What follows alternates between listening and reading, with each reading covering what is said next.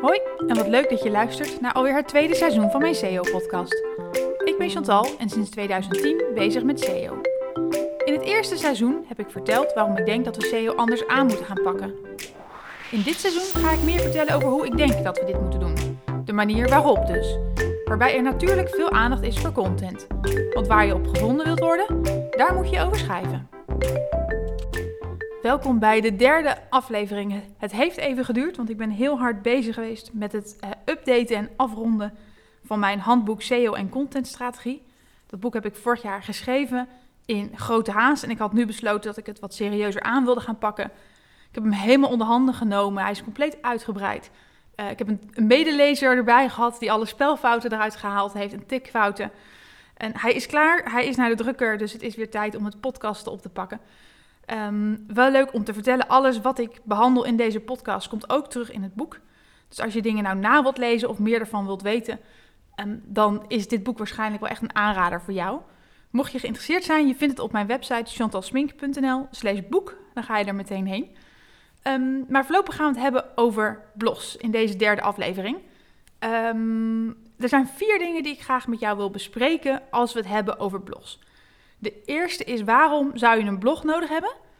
Um, het tweede punt is waarom leveren veel blogs eigenlijk weinig op? Het derde punt is als je het gaat doen, hoe kom je dan aan input? En het laatste onderdeel is hoe ga je het meten? Dus we hebben een bomvolle uitzending. Normaal wil ik het binnen 10 minuten houden. Ik weet niet of dat vandaag gaat lukken. Dus ik hoop dat je wat tijd hebt om, uh, uh, om me helemaal af te luisteren en dat je het interessant genoeg vindt. Nou, de, de eerste vraag. Waarom zou je nou een blog nodig hebben? Je hoort het heel vaak vanuit SEO. Heb je een blog nodig? Uh, of een blog is goed voor je SEO. Vind ik een hele lastige uitspraak. Um, maar klopt het? Ja, een blog is heel handig voor, voor SEO. En het geeft je eigenlijk een mogelijkheid om buiten de gebaande paden van je website te gaan. En dat klinkt een beetje lastig, maar stel je voor dat jij een webshop hebt en je hebt uh, productcategorieën en je hebt producten. En je wilt iets vertellen over hoe je het gebruikt, hoe je het moet onderhouden, hoe je de juiste keuze voor het juiste product maakt, over ingrediënten, dan kun je dat eigenlijk binnen een gewone website niet op een van die vaste pagina's doen. Dus een blog biedt jou de kans om alles wat jij wil bespreken over jouw onderwerp of over jouw product, um, om, ja, om daarover te schrijven en daarmee dus ook om daar weer vindbaar op te worden. Want ik zeg altijd, waar je op gevonden wil worden, daar moet je over schrijven. Maar andersom geldt ook, waar je over schrijft, daar kun je op gevonden worden. Dus een blog geeft jou de kans om op mythes en fabels in te spelen en het recht te zetten. Waardoor je vindbaar kunt zijn op um, uh, mythes en fabels waar mensen naar zoeken. Dus stel dat mensen naar een misverstand zoeken in Google. En je zegt van ja, maar dat is niet zo. Juist door een artikel over te maken, kun je daarop gevonden gaan worden.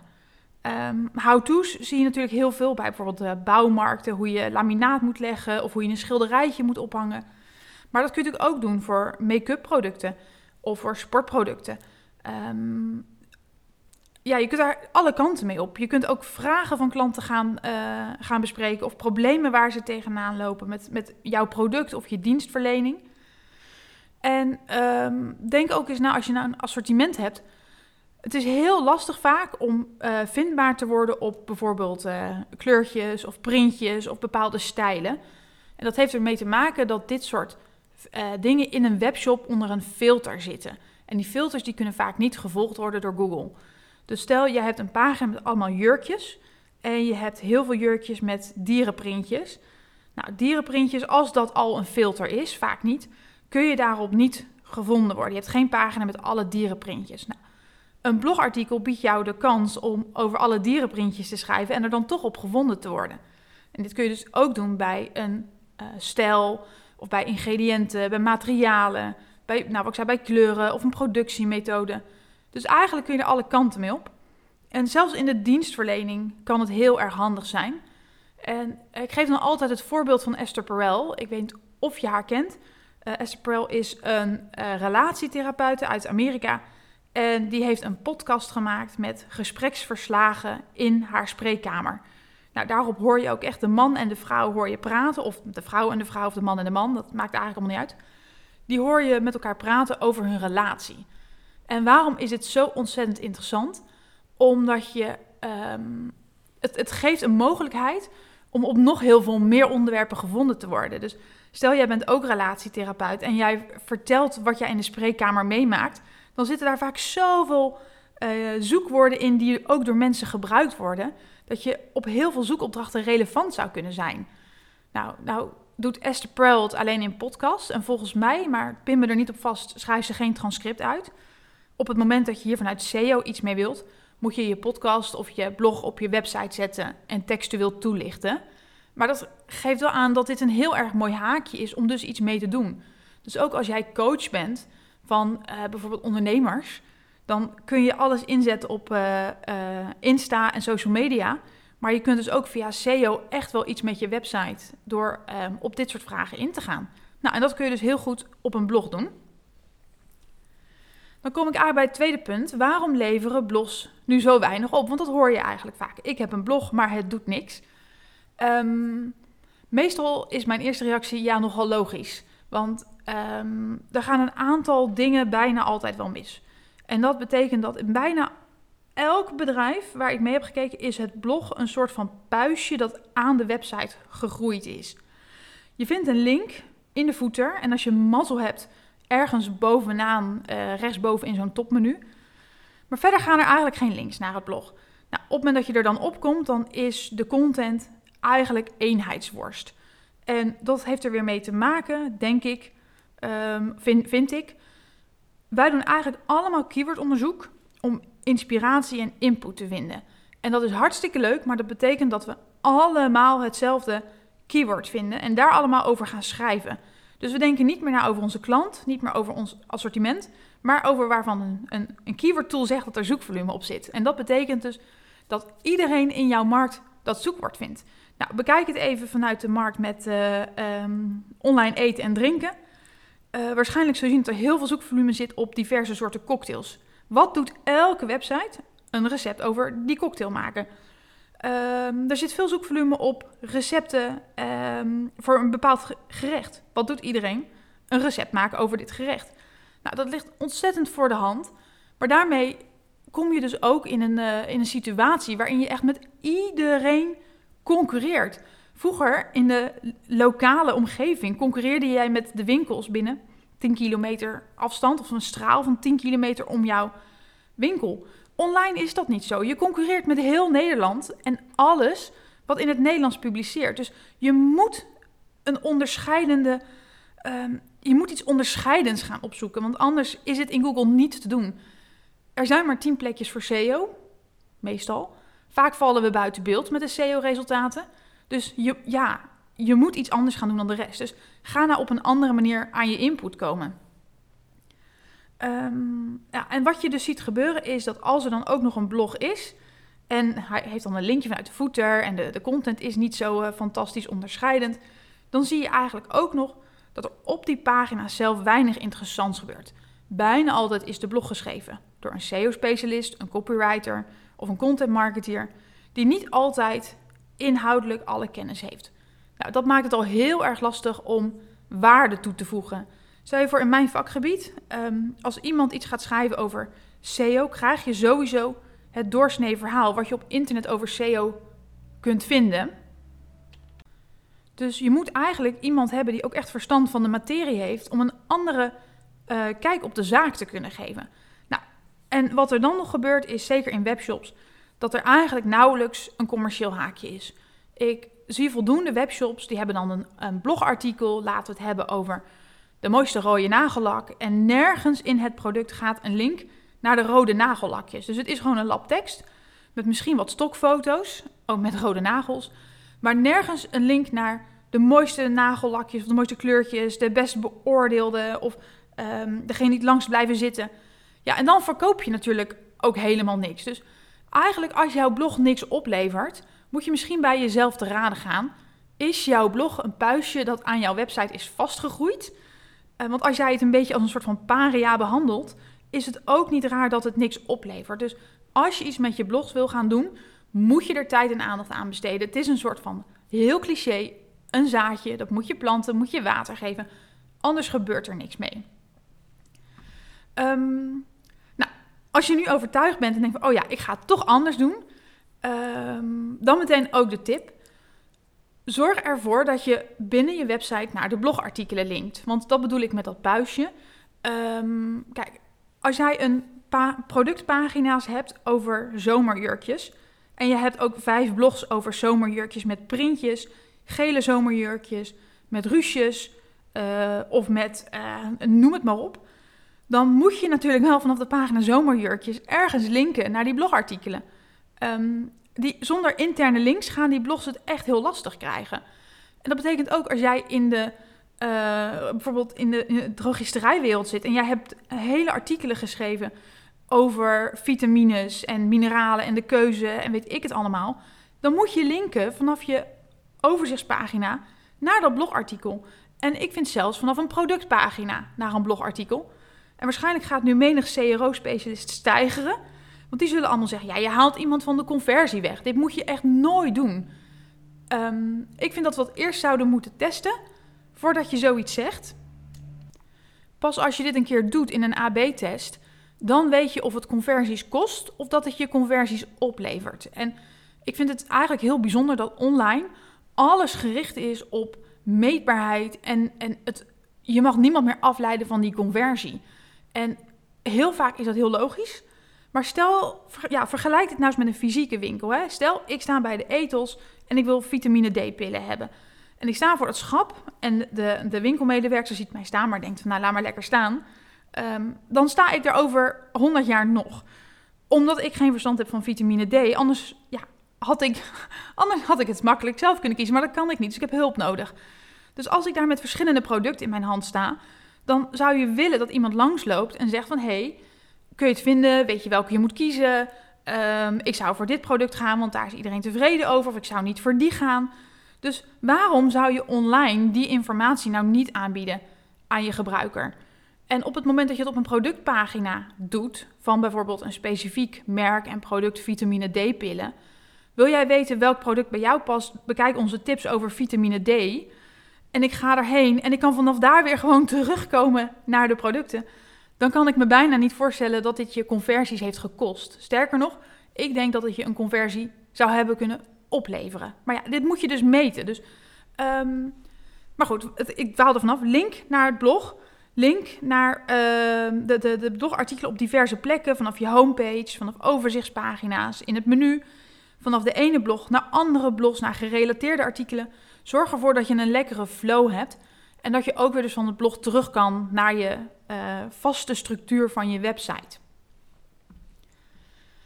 Nou, dan de derde vraag. Uh, hoe kom je aan, uh, aan input? Nou, wat ik al zei, de meeste doen keywordonderzoek omdat we het over SEO hebben. Ehm, ik ben al jaren geen fan meer van, van keywordonderzoek en heb ik ook een, podcast voor opgenomen, dus daar ga ik nu niet verder op in. Um, ik denk dat je moet beginnen bij je gebruiker, uh, bij zijn vragen, problemen, interesses, frustraties of pijnpunten. Um, dat, dat is een, een, eerste ingang. En dat kun je doen door een soort van een persona op te stellen. Nou, ik heb vroeger um, vanuit mijn online, of het online marketingbureau waar ik voor werkte, persona's opgesteld. En dat waren hele trajecten van maanden lang. Um, dat is duur en meestal niet, uh, uh, ja, levert het niet heel gauw op, omdat de investering zo hoog is. Ik ben het pragmatischer gaan aanpakken. Ga nou gewoon eens zitten, denk eens na over je klant. Beantwoord een aantal vragen. Ga eens binnen het bedrijf met mensen praten die de klant spreken. Maar zorg ervoor dat je de juiste informatie boven water krijgt. Dat is nog dat is veel belangrijker dan een heel groot traject ervan maken. Is de juiste informatie boven water krijgen en de juiste vragen stellen. Waarom heeft jouw klant een probleem? Um, of nou, ook misvattingen. Wat ik al zei over bijvoorbeeld vitamine D. Stel dat jij um, die pillen verkoopt en je weet dat iedereen in de markt daar een misvatting over heeft. Dan kun je daar dus iets over schrijven. Maar daarvoor moet je wel eerst weten dat die misvatting er is. Uh, nou, dat kun je ook weer doen door in je persona te duiken. Um, en die vragen te beantwoorden. Ik heb op mijn uh, website chantalsmink.nl slash contenthulp invulformulieren klaargezet. Die kun je gewoon gratis downloaden om een persona op te stellen en om uh, de klantreis in kaart te brengen, want dat is de volgende stap. Een persona doorloopt een klantreis. Als jij weet hoe dat, hoe dat gaat, kun je op, voor elke um, fase van die klantreis content maken en daarop inspelen. En in mijn vorige podcast heb ik het al gehad over de valkuilen van een customer journey. eh, of de, de klantreis. Kijk, ga dit nou niet ehm, als een vast model zien waarin maar vier fasen zijn. Schrijf nou eens even op van iemand die van niks tot aan keuze welke vragen je zou moeten kunnen ehm, eh, stellen en beantwoorden.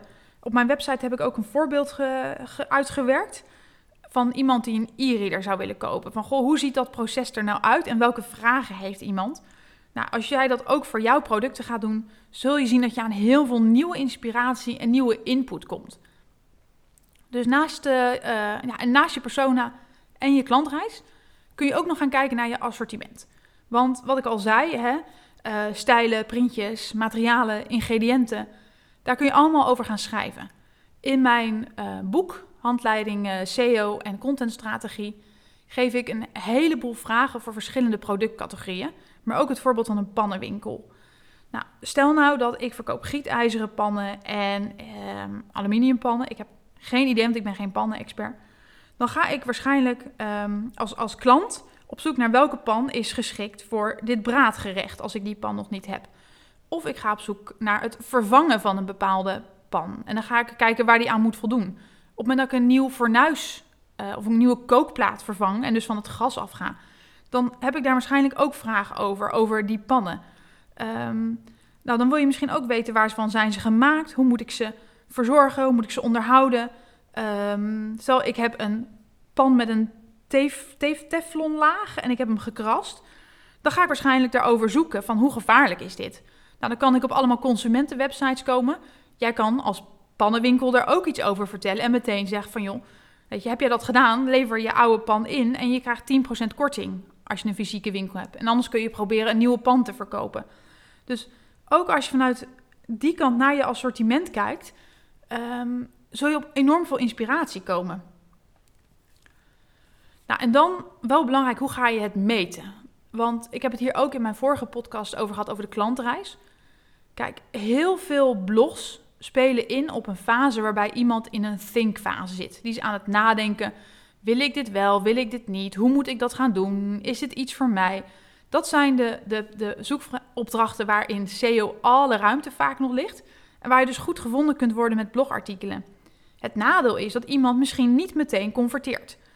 Um, in diezelfde sessie, en aangezien we steeds meer uh, moeite hebben om het door te meten, omdat cookies uh, uh, gaan verdwijnen, is het lastig om inzichtelijk te maken dat iemand in eerste instantie via het blog op jouw website is gekomen en bijvoorbeeld vier dagen later via een advertentie in Google is geconverteerd.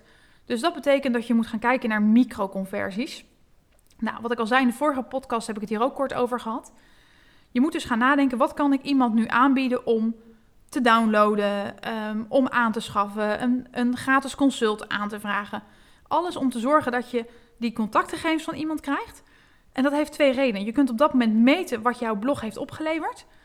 En je kunt um, met je contactgegevens aan de slag om die klant te nurturen. En ik heb het over nurturen, niet spammen. Dus je moet niet die klant toevoegen aan je database en elke keer een mail sturen met koop, koop, koop. Die klant moet je met beleid behandelen. Maar goed, dit is dus wel iets waar je mee aan de, aan de slag moet. Um, de, de, belangrijkste uh, takeaways van dit, uh, want we zijn bijna aan het eind. Ik zie ook dat ik uh, twee keer zoveel tijd heb gebruikt dan ik van plan was te gaan gebruiken. Maar dat kan ook eigenlijk niet anders. Een blog heb je dus nodig omdat je buiten de gebaande paden van je website wil gaan allerlei onderwerpen wilt bespreken. Mythes, fabels, vragen, how-to's. Um, dit moet je op een goede manier integreren in je site. Alsof je blog ook echt een onderdeel is van jouw website. En als je dan eens gaat nadenken over je persona, over de klantreis, over je assortiment. Dan kom je waarschijnlijk aan ontzettend veel nieuwe inspiratie. Dus ik hoop dat je in die 20 minuten die ik had geïnspireerd heb om hier wat mee te gaan doen. Om hiermee aan de slag te gaan. In mijn boek ga ik hier uitgebreider op in en ik heb een aantal blogs op mijn website staan. En ik wens je ontzettend veel plezier met bloggen. Wil je niks missen? Volg me dan op Instagram. Je vindt me onder Chantal Smink NL.